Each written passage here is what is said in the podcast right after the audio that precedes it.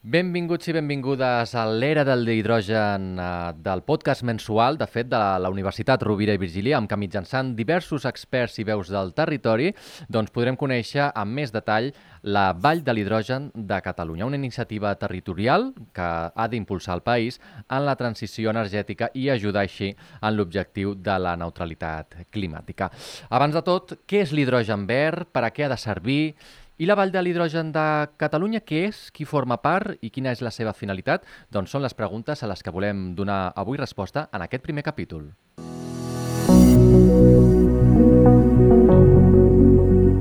Doncs bé, no podem arrencar d'una altra manera aquest eh, podcast a l'era de l'hidrogen de la URB, que coneixem, doncs, primer de tot, què és precisament l'hidrogen verd i a partir d'aquí doncs, seguir avançant en aprofundir sobre aquesta iniciativa del nostre territori liderada per la URB.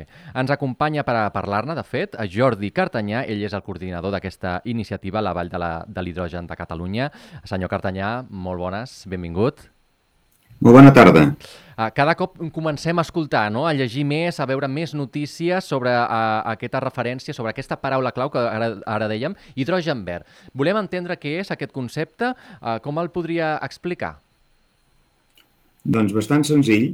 Uh, la molècula d'aigua, que tothom sap que és H2O, la podem, la podem trencar amb hidrogen i oxigen mitjançant energia.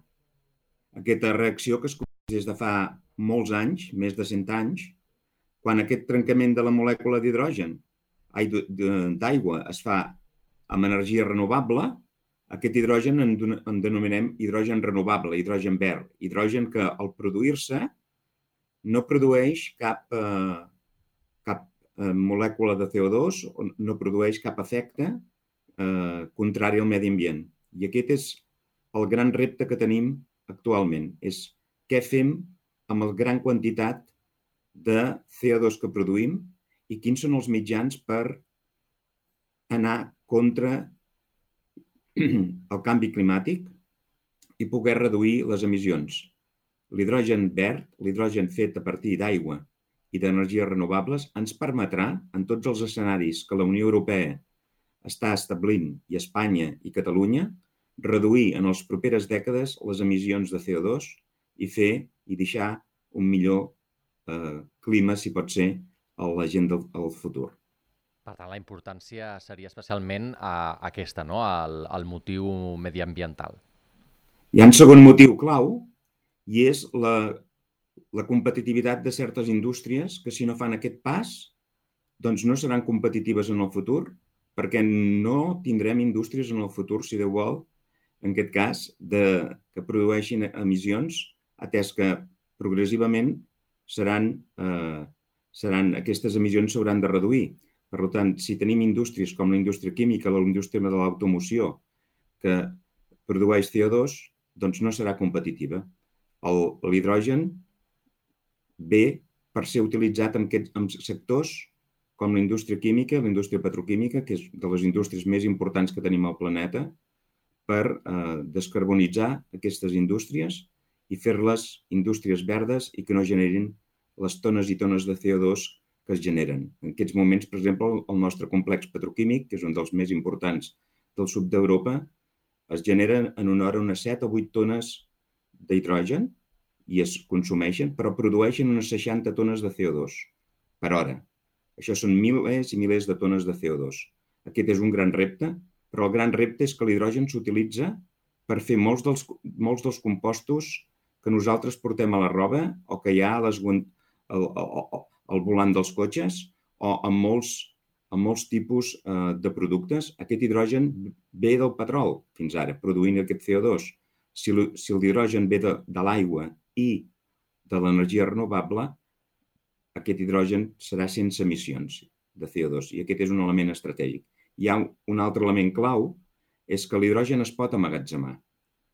Emmagatzemar l'energia és un dels grans reptes de la humanitat i l'hidrogen ho permet. Si a més a més ho, ho permet sense, sense que s'emetin CO2, aquest diríem que, per això en diem que l'era de l'hidrogen serà una era important per la humanitat i jugarà un paper estratègic en, els futurs, en les futures dècades eh, arreu. De fet, a partir d'aquí és que neix aquesta iniciativa liderada per la Universitat Rovira i Virgili amb la seva coordinació, aquesta anomenada Vall de l'Hidrogen de, de Catalunya, no? Com la podríem explicar? Qui forma part? Sí, primer de tot dic, què és una regió de l'hidrogen o una vall de l'hidrogen, com anomena Europa? Són aquelles regions que volen jugar un paper, un paper clau en aquesta transició cap a l'era de l'hidrogen, per tant, que volen produir hidrogen verd a partir d'energies renovables, el volen amagatzemar, el volen utilitzar per la mobilitat de qualsevol tipus, per les seves indústries, per la indústria química, bàsicament, i per, per, també per altres indústries, que el poden utilitzar en el futur com a font de calor per, per diversos usos i que el volen utilitzar també per usos residencials perquè en el futur anirà mesclat amb el gas natural i cada vegada més i serà una, és un gran combustible, l'hidrogen. Aquestes regions que vulguin jugar a la primera divisió en aquesta, en, aquest proper, en aquesta propera dècada i es vagin habituant als usos industrials, als usos per la mobilitat, cotxes, autobusos i altres formes de mobilitat, això en direm, eh, això en direm regions de l'hidrogen. I Catalunya i la Catalunya del Sud té actius estratègics per jugar a la, Lliga, a la primera Lliga Europea de Regions de l'Hidrogen per dos motius claus. Primera, perquè Catalunya i la Catalunya del Sud som la regió de l'energia i de la química no solament de Catalunya, sinó de l'Estat, Segona, perquè, com deia abans, sabem utilitzar l'hidrogen, però aquest hidrogen que n'hi diuen, n'hi diem gris, o hidrogen que produeix CO2, per tant, sabem manegar aquest combustible, el sabem utilitzar, la indústria química el sap utilitzar des de fa molts anys i tenim tots els actius per això fer-ho. Que la universitat jugui un paper estratègic en aquest cas té dos, dos motius rellevants. Un, que s'hauran de formar nous, nous tècnics i nous universitaris en aquesta, en aquesta tecnologia de l'hidrogen verd, que hi haurà d'haver ciència i tecnologia, nova ciència i tecnologia al voltant de l'hidrogen verd i també juga aquest paper clau d'articulador del, del territori i de diferents agents perquè l'economia de l'hidrogen necessitarà molts, molts actors diferents. No, és, no serà igual que l'economia del, del petroli, sinó que necessita molts actors diferents i aquests actors i a vegades necessiten agents neutres, si en voleu dir d'alguna manera, agents que tinguin aquest paper agregador, neutral, i de visió de futur eh, més enllà de rèdits concrets econòmics o fins i tot polítics. -huh. Una plataforma, una iniciativa en clau territorial des del propi territori, però suposo que també posant la mirada en fora, de fet, amb, eh, sorgeix com a compromís, no?, també amb la Comissió Europea. Certament. Clar, la, clau, la clau territorial és clau, però l'era de l'hidrogen arribarà a tota Catalunya, arribarà a, a tot l'estat espanyol i a tota Europa, s'estan planificant ja les noves autopistes o hidroductes, eh, gasoductes de l'hidrogen per Europa. Eh, aquest, aquest hidrogen fluirà a través de les canonades, ens arribarà a casa, tindrem estacions de servei d'hidrogen progressivament on, on veurem autobusos d'hidrogen, fins i tot cotxes d'hidrogen. Actualment hi ha països com eh, Corea del Sur que hi ha 225.000 automòbils, hi ha cotxes utilitaris d'hidrogen. Això anirà a poc a poc entrant en la propera dècada i l'hidrogen, que ara només és un tema industrial, per les indústries que l'utilitzen per fer productes químics o per utilitzar per fonts d'alta energia, perquè és un gran combustible, l'hidrogen, eh, això passarà al carrer progressiv, progressivament els propers, en els propers anys. Uh -huh. A més, hi han marcades tres grans línies, tres grans objectius, oi? Bé, hi ha tres grans objectius per l'ús de l'hidrogen. Un és descarbonitzar, com hem dit, indústries i sectors complets. L'altre és la mobilitat, però també hi ha un altre element important, és l'economia circular de l'hidrogen. Amb, amb, amb l'ús de residus podrem generar, podem generar també hidrogen, gas i després hidrogen, i amb aquest hidrogen es poden alimentar a la vegada els camions que van a buscar les escombraries i mobil i això és un tipus d'economia circular. Per tant, tindrem diferents usos de l'hidrogen. El principal, el primer de tot i el gran repte és substituir a Catalunya, Espanya i Europa aquelles indústries que ja l'utilitzen com a matèria primera, com és la indústria química, la indústria de l'acer o altres indústries, per hidrogen gris no contaminant a partir d'energies renovables i aigua. Aquest és el gran repte i això ajudarà a tindre eh, un millor medi ambient i a disminuir eh, l'efecte hivernacle i el, i el CO2 que hi ha a l'atmosfera. Uh -huh. Aquesta vall de l'hidrogen de Catalunya comença a caminar uh, ja amb diversos agents. Quants en formen part actualment i quines són les primeres passes?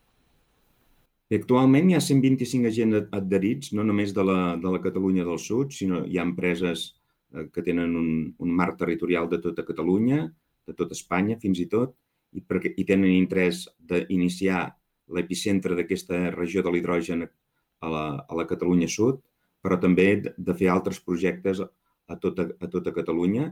Són, com deia, unes 125, 125 agents, hi ha empreses de tot tipus, eh, hi ha agents eh, públics, hi ha eh, centres de recerca, centres de tecnologia i la Universitat Rovira i Virgili, són un conjunt, les cambres de comerç, hi ha molts agents que seran imprescindibles per fer aquesta, aquest canvi. Quins són les primeres passes?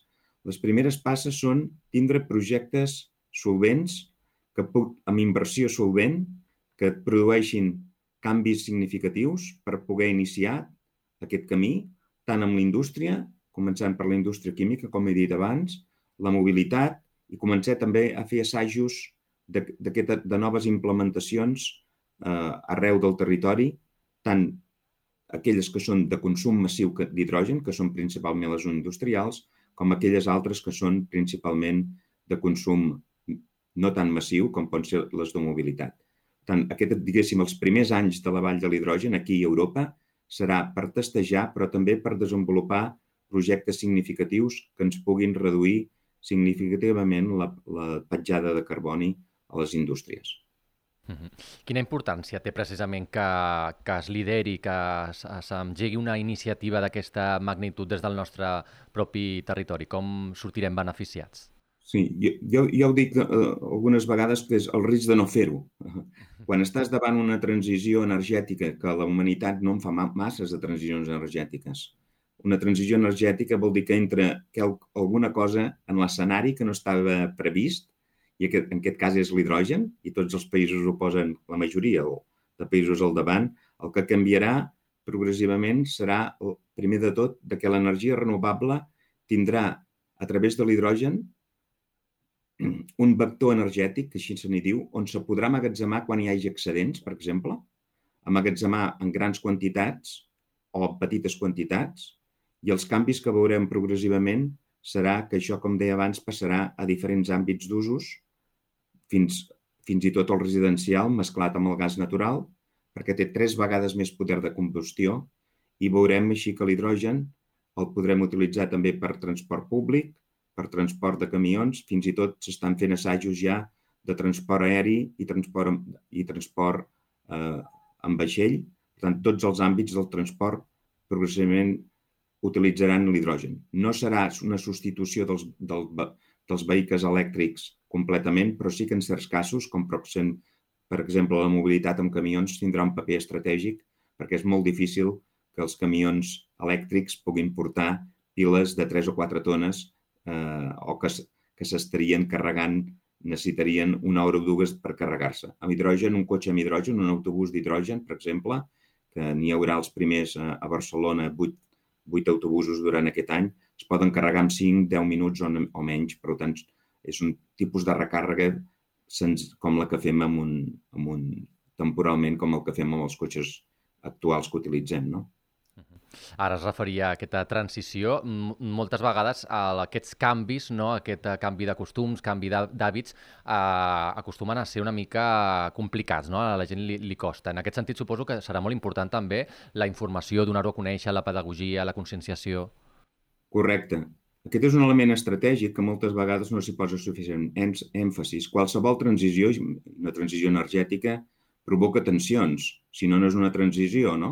No tens transicions importants si no hi ha tensions. I aquestes tensions poden ser, eh, poden ser tensions socials, tensions tecnològiques, tensions eh, econòmiques al voltant al voltant de que això implica que diferents actors que es guanyaven la vida ara potser no se la guanyaran i, i n'entraran uns altres aquestes tensions són necessàries, són, són, passen i eh, la socialització, com ara comentaves, és un, és un element clau. Per això, una, i m'he deixat de dir-ho abans, hi ha dos elements claus també, a part de, de, de desenvolupar projectes d'usos i d'aplicacions i pro projectes prototipus en algun cas, serà la formació i la socialització.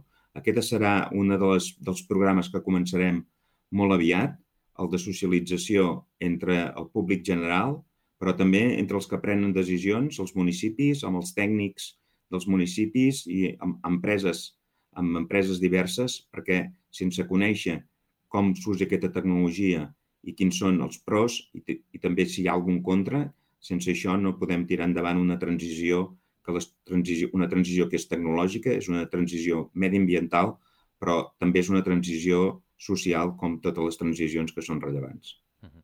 Hem fet referència al paper que juga la universitat en aquest sentit eh, com a líder, líder i coordinadora d'aquesta iniciativa. Quin, quin és el gran repte? Bé, hi ha, hi ha diferents grans reptes. Uh, el primer gran repte és un repte que qualsevol transició que té a veure amb, amb quelcom que té un preu i un cost és que sigui econòmicament viable. I aquest és un gran repte. Caldrà inversions, això ho sap Europa, ho saben els estats, caldrà ajudar uh, a través de fons públics i de fons públics europeus, com ara, ara arribaran, diuen, a, a, a aquesta transició, perquè encara és més, és, més, és, surt més bé de preu utilitzar hidrogen eh, que ve dels combustibles fòssils i generar CO2. Això encara és així, per tant, el primer gran repte és, en els propers anys, no masses, equiparar el cost de l'hidrogen, que ara s'utilitza hidrogen gris, que produeix CO2, al cost de l'hidrogen verd. El segon, gran, el, el segon gran repte és tenir tècnics i professionals que entenguin del hidrogen verd, de com generar-lo a través d'aquest procés que es diu electròlisis de l'aigua. Hi ha un tercer gran repte, és que hi hagi unes reglamentacions i afavorides pels estats per tal que les transicions no tinguin barreres de reglaments o barreres d'ús que la fagin feixuga pels agents públics i privats que confien en aquesta nova tecnologia. Probablement hi ha altres barreres, però aquestes jo diria que són les més importants, les barreres de saber fer-ho, les barreres econòmiques, que estigui a un preu adequat, i les barreres, les barreres reglamentàries que es permetin que aquesta nova tecnologia no tingui eh, dificultats en introduir-se sempre que es faci de, amb, les mesura, amb la mesura adequada. Doncs ja, ja per acabar, hidrogen verd, a quina frase final i conclusiva podríem donar? Jo diria una frase, una frase que, que va dir eh, el Jules Verne, el, bueno, no ho va dir ell, sinó que en, la, en, la, en el llibre de la, isla, de la illa misteriosa de Jules Verne, un dels seus personatges, i això està escrit fa 180 anys, diu, de manera premonitòria, diu que en el futur l'energia sortirà de l'aigua. Diu no, de l'aigua no, sinó del seu, de, dels seus components, de l'hidrogen i l'oxigen. En aquest cas estava encertat, és molt premonitori, l'era de l'hidrogen, la societat i l'economia de l'hidrogen serà una societat i una, i una economia més més repartit, en el qual de, més repartit geoestratègicament, serà potser més democràtic l'accés a aquesta energia i la possibilitat d'amagatzemar hidrogen no només a escala industrial, sinó també a escala, jo en diria, col·lectiva, a través de comunitats energètiques de ciutadans i els municipis que quan accedirà aquesta energia fotovoltaica o eòlica que sigui seva, la podran amagatzemar i podran convertir-se amb el que en diem independents energèticament, en el sentit, no, en el sentit de que les comunitats, els municipis i altres actors podran tenir en el vector i en la societat i l'economia de l'hidrogen un aliat per eh, regularitzar eh, els seus consums energètics, poder magatzemar-ho i poder tenir una interacció amb l'energia que consumeixen i utilitzen més eh, auto, d'autoabastiment i això és quelcom bastant remarcable en la humanitat. Actualment tenim sistemes d'amagatzament, tenim les piles, però, per exemple, no està resolt què farem dels milers i milers de piles de liti i d'altres compostos que farem. En aquest cas, l'hidrogen, quan s'amagatzema i després se crema o s'utilitza, torna a generar aigua. Ve de l'aigua i torna a l'aigua, sense, sense produir cap desgàs en el medi ambient. I aquest és un element clau i que hi ha poques transicions energètiques que hagin fet en la història de la humanitat que siguin tan, tan llamineres des del punt de vista mediambiental, com deia abans, per deixar un millor planeta. I tant que sí, doncs, energia que sorgeix de, de l'aigua, amb aquest concepte ens quedem. Jordi Cartanya, coordinador d'aquesta iniciativa Vall de l'Hidrogen de Catalunya, moltes gràcies per haver-nos acompanyat. Moltes gràcies a vosaltres per difondre i fer arribar els, uh, aquesta, aquesta nova, uh, no, nova era que a poc a poc estarà més present a poc a poc a la societat. Tant que sí, dèiem, eh, remarcaven la importància de donar-ho a conèixer i de fer molta eh, pedagogia, de donar coneixement a aquest concepte i per això també sorgeix aquesta iniciativa a través d'aquest eh, podcast, l'era de l'hidrogen, per part de la Universitat Rovira i Virgili, amb la que avui estrenem desvetllant una mica i donant a conèixer aquest concepte i que amb els propers capítols doncs, anirem desenvolupant. Jordi Cartanyà, gràcies novament. Moltes gràcies a vosaltres, molt bona tarda. I a vosaltres, gràcies per la vostra atenció amb l'arrencada d'aquest eh, podcast per part de la URB, l'era de l'hidrogen, que continuarà mensualment amb més capítols aquí a Ràdio Ciutat de Tarragona. Fins la propera.